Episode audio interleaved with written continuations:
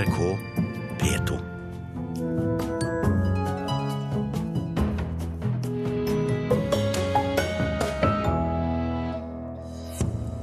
Kunstnernes garantiinntekt erstattes av nye ordninger, men kunstnerne vil beholde den gamle ordningen. Den egyptiske hæren har nå stengt TV-kanaler som støtter president Morsi og Det muslimske brorskap. Og kunst produsert for Det tredje riket skal stilles ut i Bergen. Du hører på Kulturnytt med Birger Kålsrud Jåsund i studio. Norske bildekunstnere frykter en mer uforutsigbar fremtid når Kulturdepartementet nå innfører nye stipendordninger for kunstnerne. De nye stipendene innebærer at den 30 år gamle ordningen der utvalgte kunstnere får en garantert årsinntekt, avvikles. Men bildekunstnerne vil helst ha den gamle ordningen. Ja, nå er du kommet på atelieret mitt. Det du ser rundt deg nå, er, eh, ja, det er mye materialer som skal males på, og, og mye som er malt på. Ester Maria Bjørneboe er en aktiv billedkunstner med mange prosjekter. I sitt lille atelier jobber hun for tiden med kunst på pleksiglass. Jeg jobber jo med abstrahert landskapsaktig motivverden. Hun har hatt god nytte av garantiinntektsordningen, en statlig ordning som har gitt aktive og dyktige kunstnere en garantert minsteinntekt på 220 000 kroner i året. Etter at jeg fikk den garantiinntekten, så har jeg aktivitetsnivået mitt har skutt i lufta, rett og slett. Jeg kunne si ja til veldig mange prosjekter jeg ikke kunne si ja til før, pga. at jeg vet at jeg har den sikkerheten. Da. Men etter flere høringsrunder har Kulturdepartementet nå bestemt seg. Garantiinntektsordningen avvikles og nye stipendordninger for kunstnere innføres. Garantiinntekt fases ut, erstattes av en ny arbeidsstipendordning. Det vil være stipender for både etablerte kunstnere, som man da kan få i opp mot ti år, men ikke minst så vil man kunne få stipend òg som kunstner i etableringsfasen, men da i ett til tre år. Og så har vi òg noen særlige stipender knytta til de som er godt voksne, eh, og som nærmer seg, nærmer seg 67. Det sier kulturminister Hadia Tajik, som vil at flere skal få støtte gjennom de nye stipendordningene. Dette handler om at eh, ved å endre garantiinntekten til å bli eh, til arbeidsstipender, så er det flere som kan få kunstnerstipend, eh, og på den måten òg etablere en sunn økonomi omkring sitt kunstnerskap. Det liker ikke leder for norske billedkunstnere, Hilde Tørdal, som frykter for en mer usikker framtid for sine medlemmer når garantiinntekten fjernes. Det var jo en ordning som ga oss trygghet. Man eh, ble ikke rik, men kunne jobbe seriøst og uavbrutt også i perioder som krevde mye forarbeid. Nå erstattes jo det her av stipendordning. Hvorfor blir det dårligere enn eh, den gamle garantiinntektsordninga? Det som er eh, dårligere, det er jo at det er kortere stipend. Eh, det gir ikke den samme eh, forutsigbarheten som før. Kulturministeren mener på sin side at en revurdering etter ti år er helt naturlig. Det er klart at Når man gir en stipendordning for ti år, så er det behov for at man underveis i perioden eh, vurderer om man har fortsatt som kunstner, eller man har valgt annet, en annen livsvei. Og det er det jo òg en del som gjør. Over halvparten av de 489 mottakerne av garantiinntekt i fjor var nettopp billedkunstnere, og med den nye stipendordningen frykter de tøffere konkurranse mot andre kunstgrupper. Alle filmskapere, alle i media, alle alle kunstnergruppene trenger stipend. Mens det altså er flest billedkunstnere som får garantiinntekt, har Lise Stang Lund ledet et forhandlingsutvalg med en rekke andre kunstnerorganisasjoner. Hun tror den nye løsninga kan bli bra. Jeg tror at den er veldig god. Eh, disse stipendene er jo eh, basert på kunstnerorganisasjonenes forslag, og resultatet var svært nært opp til det vi foreslo. Ti år lange stipend, det gir langsiktighet. Sånn er det. De som allerede har fått garantiinntekt, får beholde den også i den nye ordninga. Og tilbake på atelieret til billedkunstner Bjørneboe er hun klar på at hun ikke vil gå over til den nye stipendordninga. Det å si ja til et stipend som varer ti år, istedenfor fremover til pensjonsalder, det vil jo være idioti for min del. Jeg kan tjene mer penger hvis jeg godtar dette nye stipendet, men det vil ikke heve sikkerheten i forhold til resten av kunstnerskapet mitt. Og reporter her, det var Martin Hotvedt.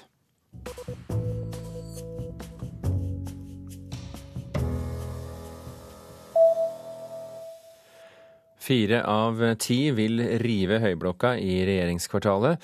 I en fersk Infact-undersøkelse utført for VG svarer 40% at Høyblokka bør rives, mens 34 vil la den stå.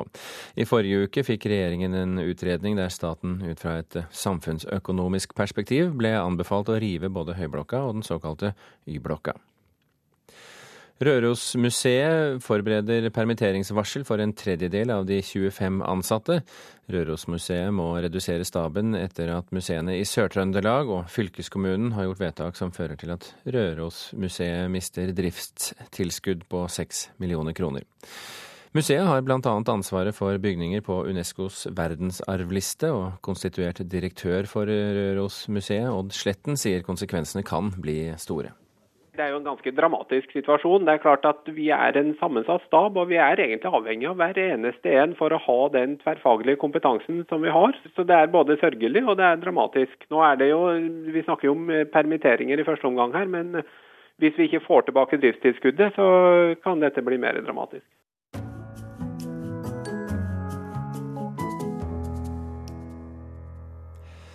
Den egyptiske hæren stengte i forbindelse med gårsdagens opptøyer i Kairo tre islamistiske TV-kanaler og arresterte samtidig fem journalister fra Al Jazeera, melder nyhetsbyrået Reuters.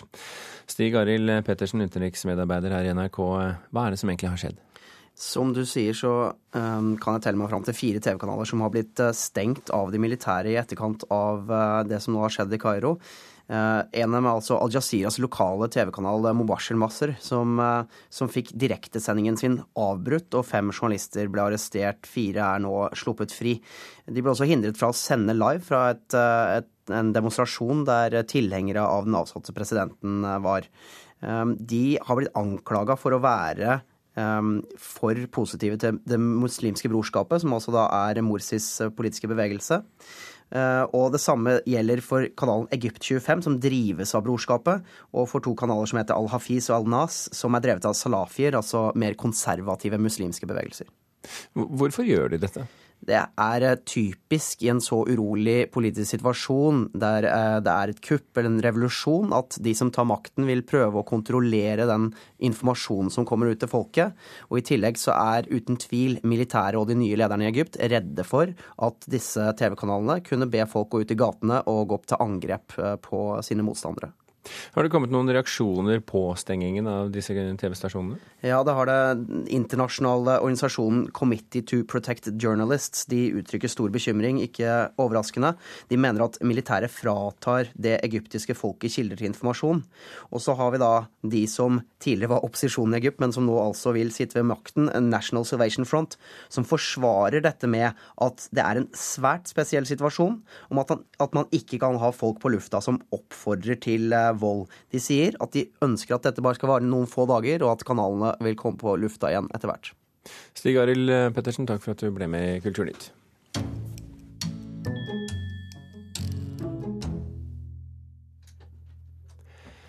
Det kan bli mer reklame i norske TV-programmer, for bruken av produktplassering i TV kommer til å øke kraftig i tiden fremover, tror eh, reklameekspert.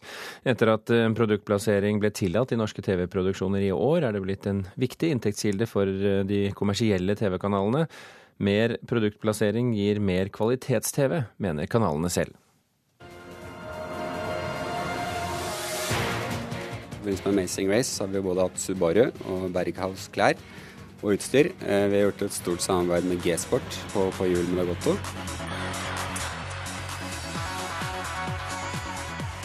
Og vi hadde et Coca-Cola-stunt i Idol, bl.a. Det er vel de mest synlige plasseringene vi har hatt så langt i år. Espen Barås By, konsept- og sponsorsjef i TV 2, lister opp noen av produktsamarbeidene de har gjort etter at det 1.1 i år ble tillatt for TV-produksjoner og serier å ta betalt for å plassere bestemte produkter inn i sine produksjoner. Etter et halvt år er både TV 2 og TV Norge godt i gang med å inngå samarbeider som kan skape klingende mynt i kassen. Bare ved at dommerne i Idol tar seg en slurk cola i beste sendetid. Nye finansieringsmuligheter gir mer kvalitets-TV, mener Barås by. Det forringer i hvert fall ikke kvaliteten, og det vil også føre til høyere inntekter på kommersiell TV hos TV 2, og som igjen fører til at vi kan lage bedre TV og kjøpe bedre TV. Da direktivet trådte i kraft for et halvt år siden, uttalte kulturminister Hadia Tajik at det skulle styrke norske kringkastere og TV-produsenters vilkår. Forskjellen blir at produsenter og kringkastere nå kan ta betalt for å benytte seg av bestemte produkter i sine produksjoner. Terje Bråten er sjef for merkevarebygging i TV Norge. Han mener direktivet gjør det mulig for TV Norge å tjene mer penger, og at TV-serier som 71 grader nord er spesielt attraktive for annonsører. Dette er et eh, satsingsområde fra vår side, og det er et inntektspotensial som er veldig stort. Det er en stor villighet fra annonsørene våre til å betale for å være produktplassert i våre norske lokale produksjoner. Førsteamanuensis ved Markedshøgskolen Lars Erling Olsen tror produktplassering er noe det vil bli mer og mer av. Tendensen er nok at vi kommer til å ha en ganske eksplosiv vekst i prosent, men det er jo prosent av små tall, slik at eh, de reelle summene de kommer nok til å gå ganske gradvis oppover. Men eh, at det kommer til å vokse nærmeste årene, det er stor tro på. Olsen er ekspert på produktplassering og sier at de nye reglene har gitt ordentlige forhold som gjør bransjen tydelig regulert. Men TV-selskapene må passe på at de ikke bruker det for mye. Det som er litt spesielt med produktplasseringer, er at de mest effektive produktplasseringene, det vet vi gjennom eh, ganske mye internasjonal forskning, det er når forbrukeren ikke legger merke til at det er en plassering i TV-programmet. Og da er det jo sånn at eh, Hvis man har for mye, altså programmet er spekket med produktplasseringer, så vil jo også effekten gå noe ned. Altså, det blir noe er mindre interessant for noe søl hvis det er for mange produktplasseringer. NRK har ikke lov til å benytte seg av produktplassering i sine produksjoner. Konstituert dramasjef i NRK Vegard Stenberg Eriksen ønsker likevel produktplassering hos konkurrentene velkommen. Det er veldig dyrt, og, for et så lite land som Norge, så vi litt, eh, har vi blitt for avhengig av nå å gjøre salg utenfor Norge og, og internasjonale salg til andre territorier for å få finansiert våre produksjoner.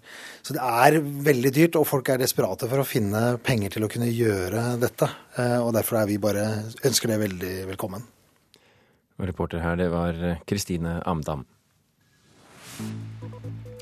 Klokken er kvart over åtte akkurat der. Du hører på Kulturnytt, og dette er toppsaken i NRK Nyheter akkurat nå.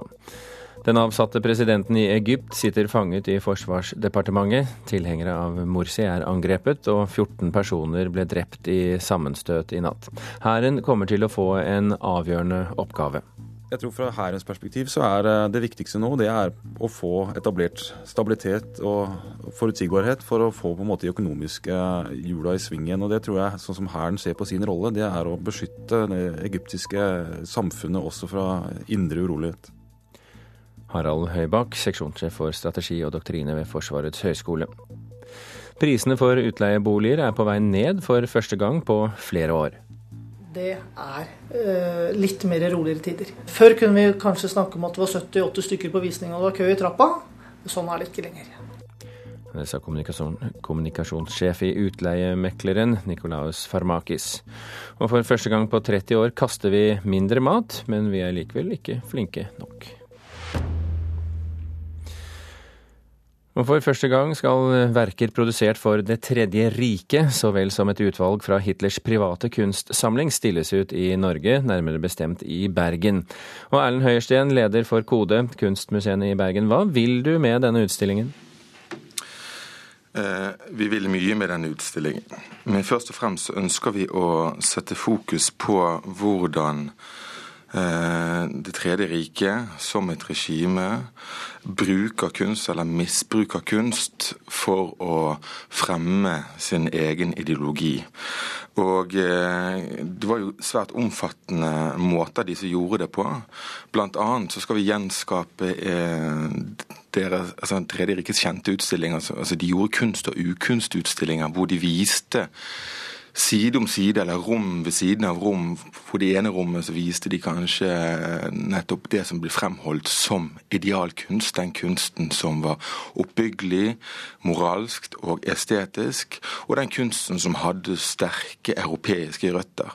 I det andre rommet så viste de Altså kunst, f.eks. Picasso eller Munch eller Gauguin.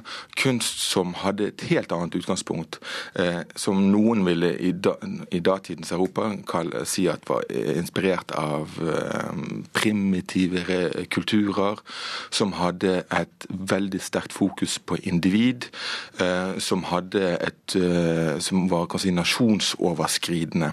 Kommer dere til å gjøre det på samme måte? Vi kommer bl.a. til å nettopp gjenskape en slik kunst- og og ukunstutstilling i dette prosjektet. Samtidig så viser vi også hvor omfattende eh, fokuset på kunstvarer. Blant annet så skal vi vise deler av eh, den samlingen som bl.a. personlig blir bygget opp av Hitler. Og vi kommer også til å vise verk som eh, Weimar, fikk bestilt av etablerte kunstnere. Kunstnere som de sendte ut i feltet, som de fikk til å male hverdagen eh, der hjemme, vekke fra, fra fronten. Oddbjørn Fure, historiker og tidligere direktør for HL-senteret, altså Holocaust-senteret. Hva kan denne utstillingen fortelle oss om nazistene? Ja, Den kan fortelle oss mye om nazismen. Den kan fortelle oss om drømmen eller kravet om det homogene samfunn. Ehm, og eh, den kan fortelle oss om et samfunn som kontinuerlig drev utskillelse- og utsondringsprosesser på rasemessig, på genetisk grunnlag, på politisk grunnlag, tilknytning til nazismens ideer. Og det at man måtte hevdes og vise sin kampvilje og kampevne i kamp. Og, og også uh, utsondring når det gjelder kunst. Og Her ser vi også det at uh, totalitære samfunn uh, trengte inn i, alle samfunnets porer og, og, og, sektorer for å dirigere og for å kontrollere. Dette kan bli en veldig viktig utstilling til å få et gjensyn med nazismens vesen, og med vekt på kunst og kultur og nazismens eh, forsøk på å få en total kontroll med individenes maksfornemmelse. Men, men, ser du noen fallgruver ved at eh, Kode stiller ut eh, nazikunst? Ikke når jeg hører på eh, den personen som her har ansvaret for eh, dette. Den eneste fare måtte være dersom den som, de som har ansvaret for denne utstillingen, ikke har en tilstrekkelig kritisk distanse til det fenomen som skal framstilles. At det var uklare parametere. Men her går det helt klart fram at uh, den utstillingen vil speile grunnverdiene i det liberaldemokratiske samfunn. Og uh, helt klart uh, her vil grunnideen om individets ukrenkelighet kommer fram. Det finnes absolutt ingen betenkeligheter med dette. Det kan bli en viktig, vesentlig utstilling. Og det gir oss et nødvendig gjensyn med nazismen. Kanskje en interessant ting Ja, Da må du være veldig kort. Ja, pittoresk. Arne Haaland rett etter krigen laget det første bergensfilosofen laget det første eh, vitenskapelige verket om nazismen. Interessant, og det, Han satt på Christian Michelsens institutt og gjorde dette.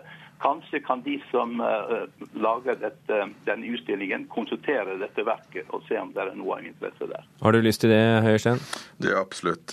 Vi skal se på alle muligheter, og vi kan garantere at dette her er ikke en fiks idé.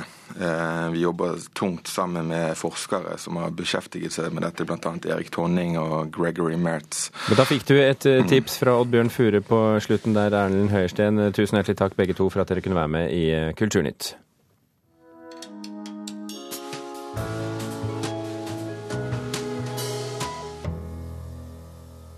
På onsdag er det kinopremiere på filmen The Lone Ranger. Eh, duoen bak Pirates of the Caribbean-filmene, Johnny Depp og regissør Gore Verbinski, står bak denne. Og i denne westernkomedien har de forsøkt å lage en ny Jack Sparrow, men vår anmelder Marte Hedenstad er ikke så sikker på om de har fått det til.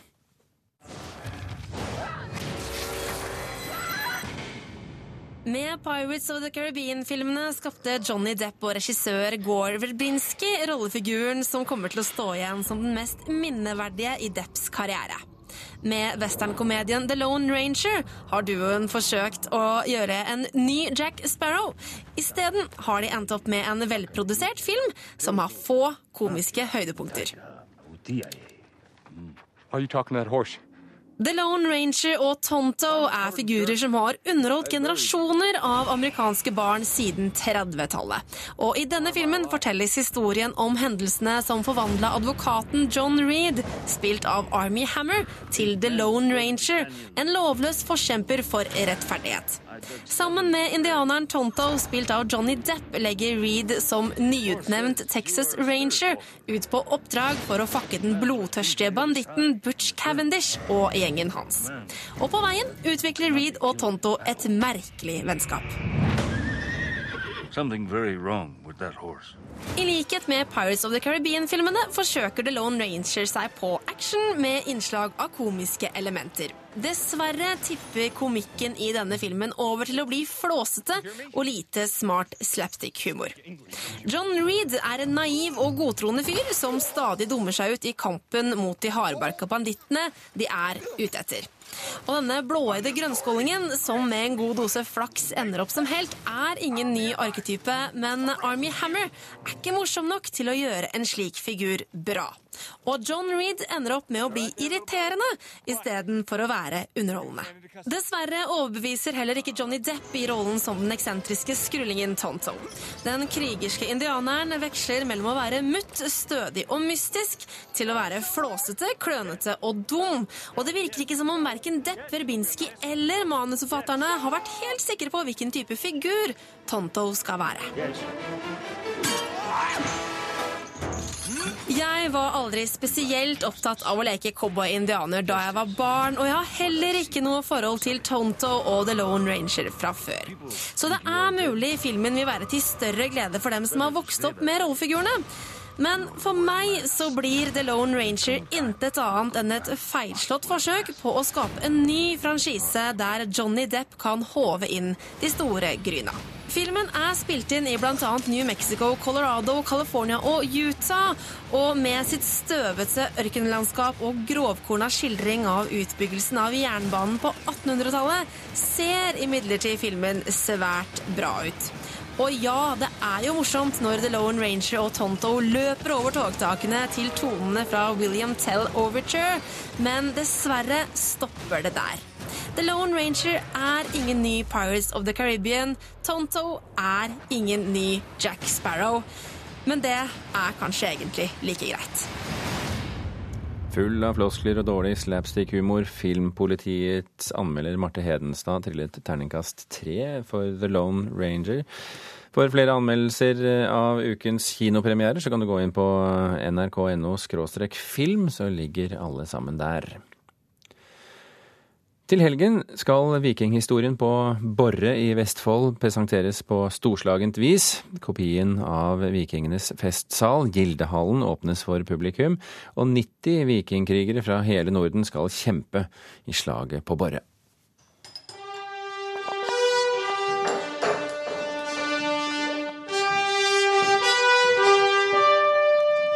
Endelig, endelig åpner vi Gildehallen på Borre for publikum.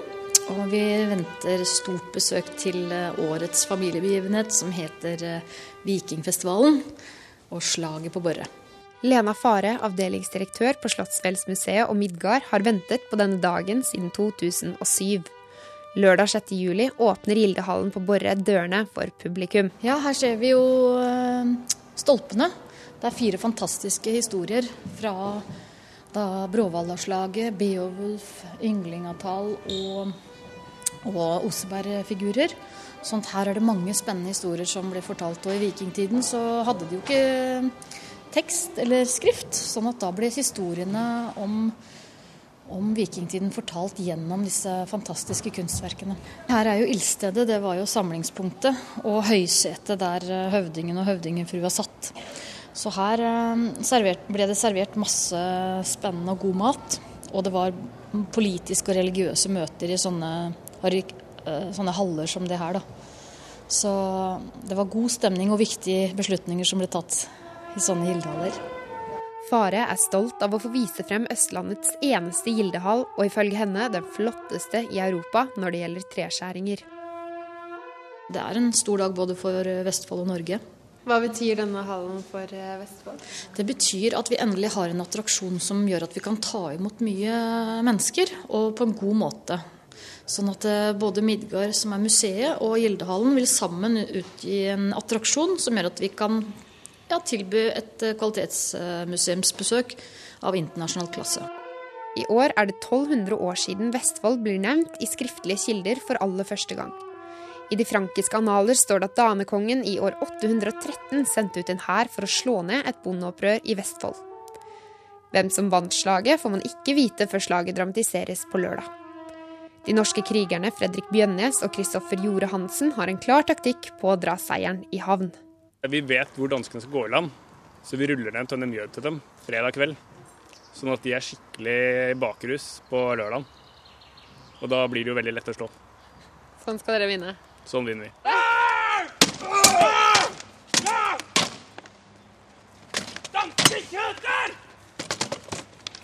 Det er det største slaget som har blitt gjenskapt noen gang i Norge. Og det kommer til å bli kjempegod stemning. Masse håndverkere, masse krigere. Og ja, en opplevelse for livet. Lena Fare håper alle som har vikingkostymer, tar de på seg i helgen. Åtte år gamle Anna Fare Sperre har allerede sjekket at kostymet passer, og er klar for festival. Og det håper jeg blir like gøy som i fjor. Gleder du deg til det åpner? Veldig. Hvorfor det, da? Fordi mm, når, når, det åpner, så kan jeg være, så kan, så kan jeg være her mye oftere enn bare disse åpningene her.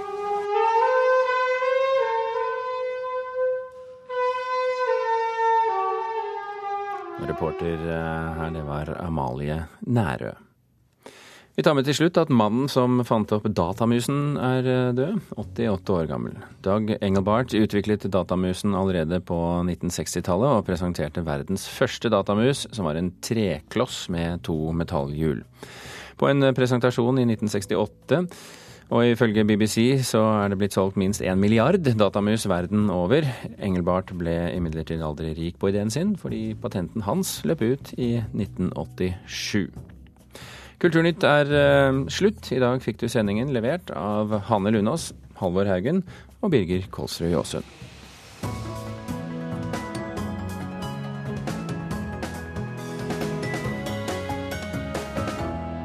Hør flere podkaster på nrk.no podkast.